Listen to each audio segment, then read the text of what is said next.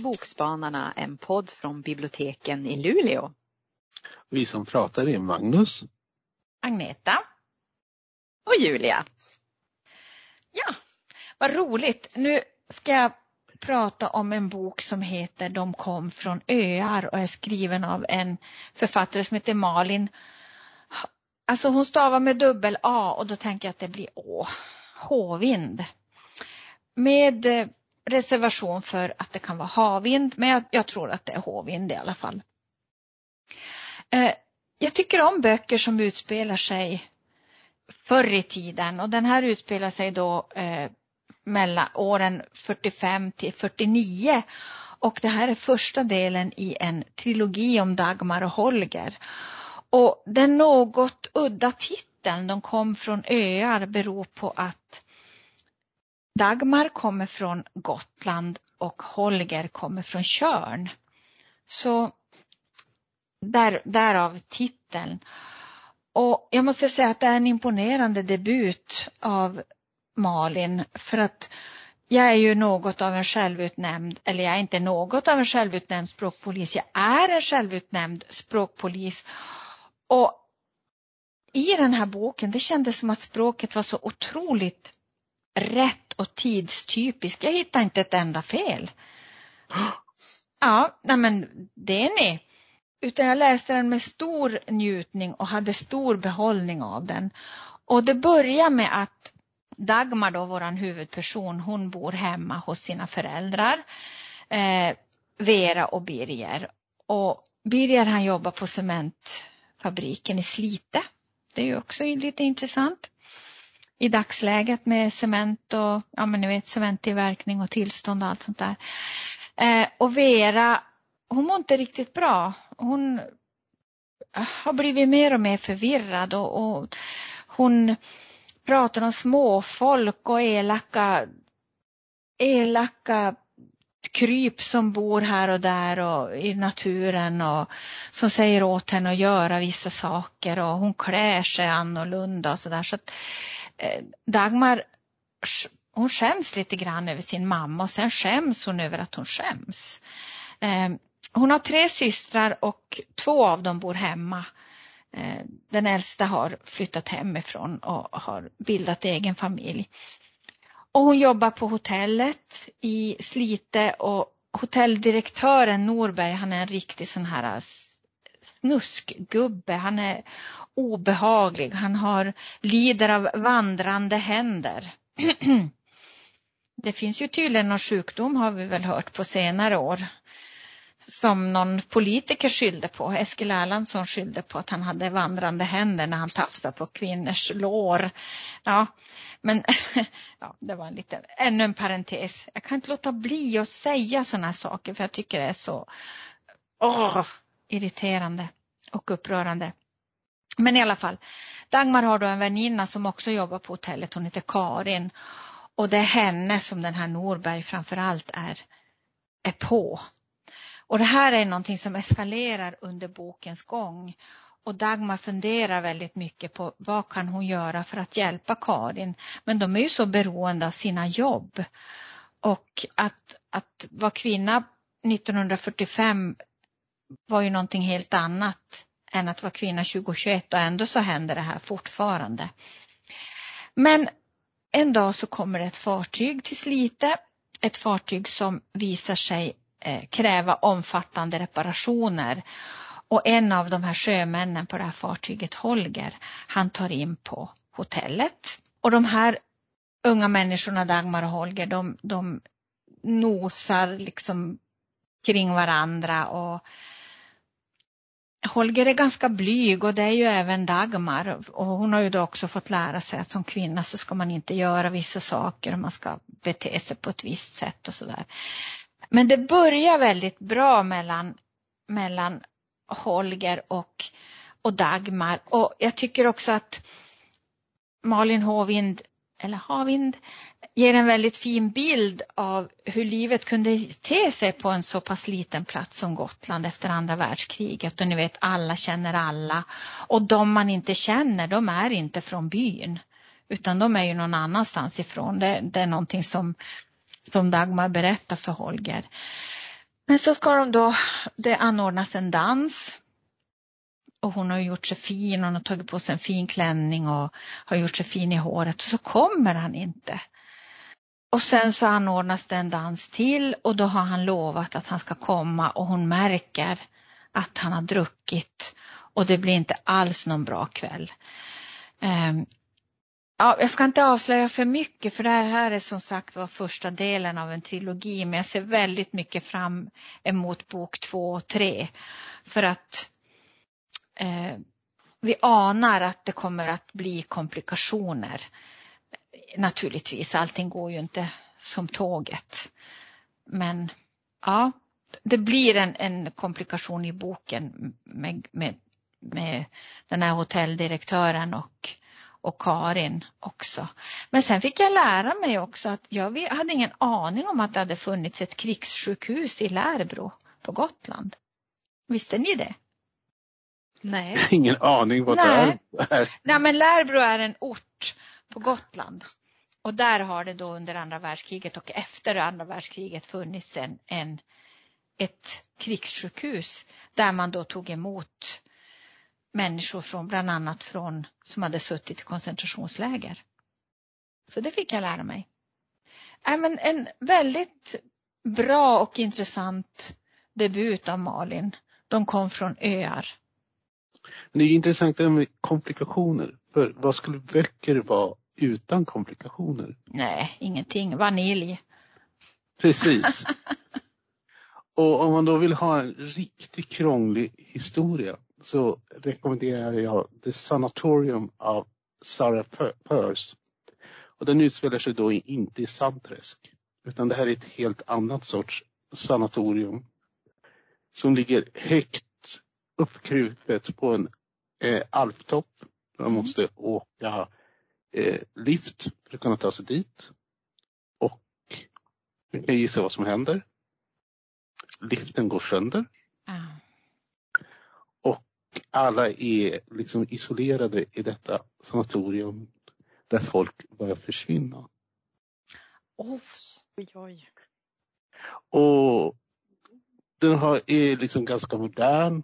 Alltså naturligtvis har den en kommissarie, eller snarare en ex-kommissarie. Hon är sjukskriven, kanske kommer inte återvända till jobbet, hon kan inte bestämma sig. Och så har hon ju ett förflutet. Och det ska ju alla kommissarier ha nu för tiden. Mm. Vilket kan tycka är lite jobbigt när mer tid går åt att beskriva det kommissariens bagage än och mordet som de faktiskt ska reda ut. Men just den här kommissarien, hon är värd att liksom investera lite tid i, för hon har verkligen ett krångligt förflutet. Och i det så innefattar hennes bror och hennes eh, bästa barndomsväninna som hon inte längre pratar med. Och för att göra det krångligare så är hon och hennes pojkvän på det här sanatoriet för att fira broderns eh, förlovning till denna barndomsväninna. Oho, intressant. Mycket intressant. Mm. Och när man tittar på boken så har den ju ett hus på framsidan. Då tänker jag, aha, gotisk skräckroman, mysrysare. Om man liksom eh, kikar lite där så borde det vara någon kvinna i, i böljande nattklänning med en kandelaber i handen. Och snöskor då eftersom, sa jag att det var insnöat? Nej, du sa bara att liften hade gått sönder. Mm, just det, det är Ja. insnöat. Mhm. Och det blir ännu svårare att ta sig någon vart.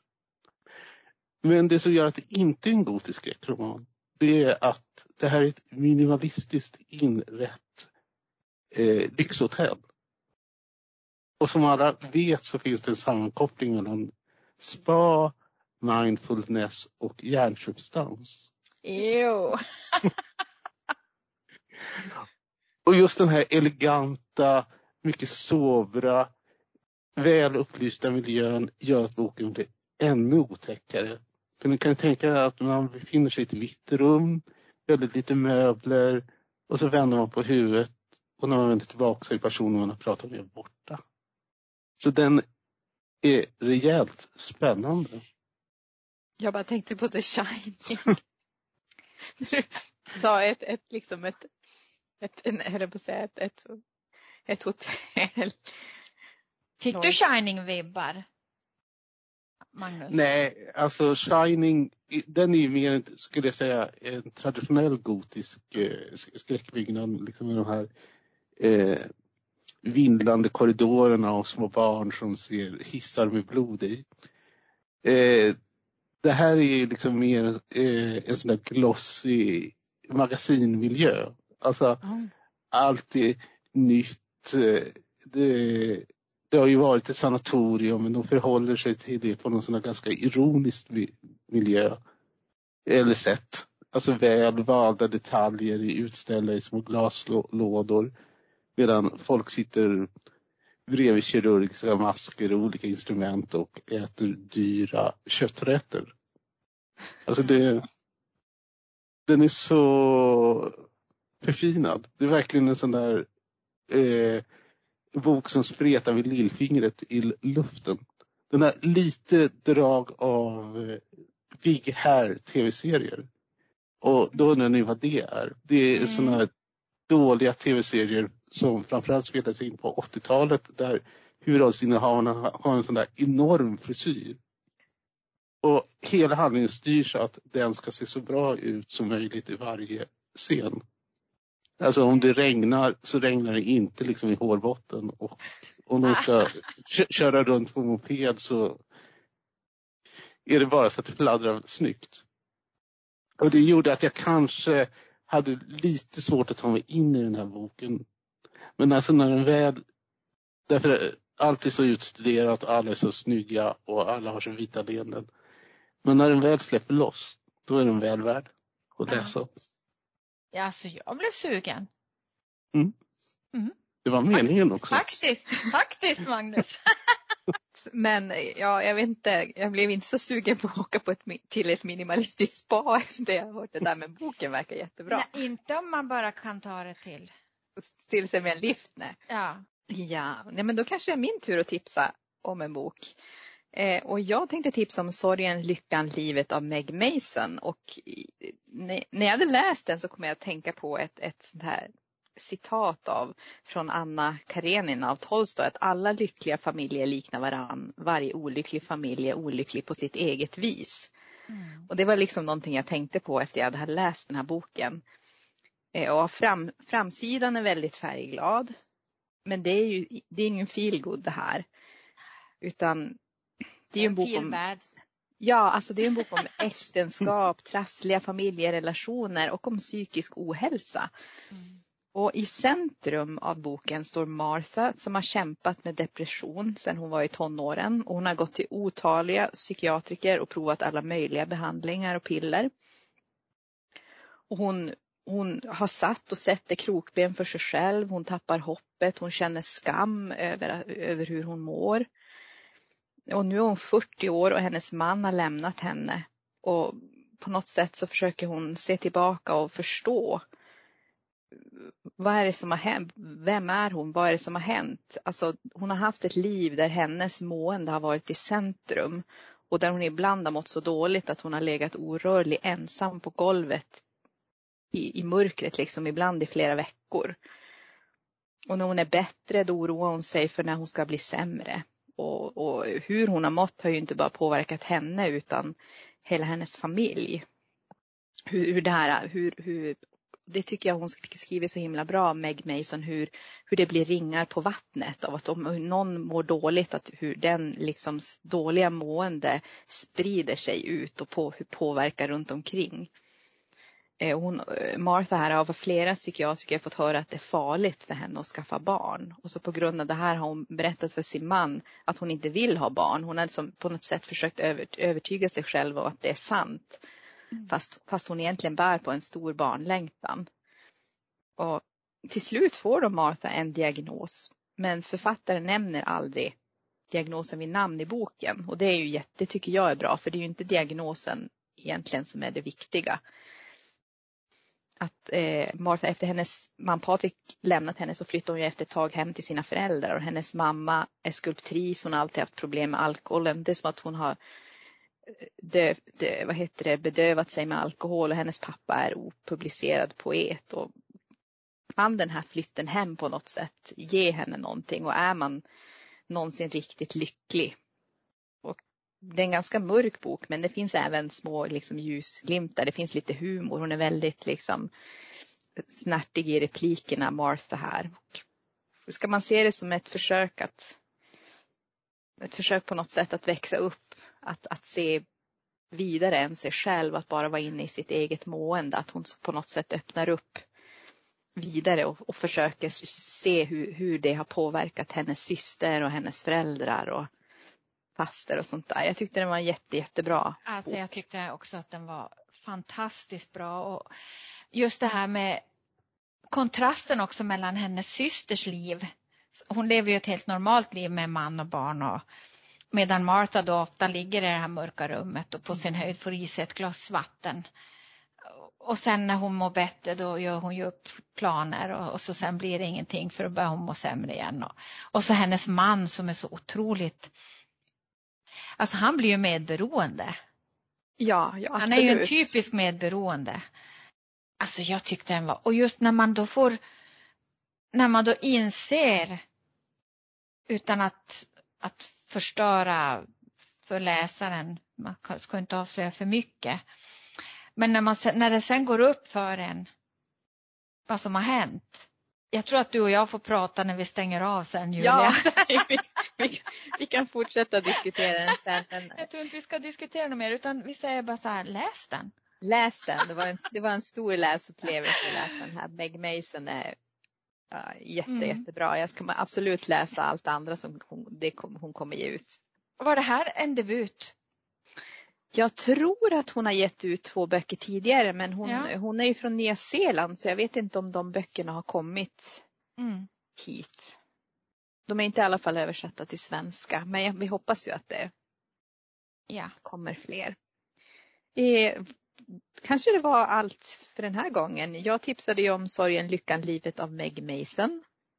Och jag tipsade om De kom från öar av Malin Ja, Håvind, Havind. Och jag tipsade om The Sanatorium av Sarah Fierce. Ja, nej men tack för denna gången. Hej tack själv. Det är alltid så roligt att få vara med och podda tycker jag. Mm, ja, men... Vi älskar så mycket. det är så härligt när du är här Agneta.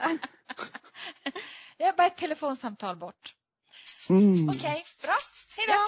Hej då.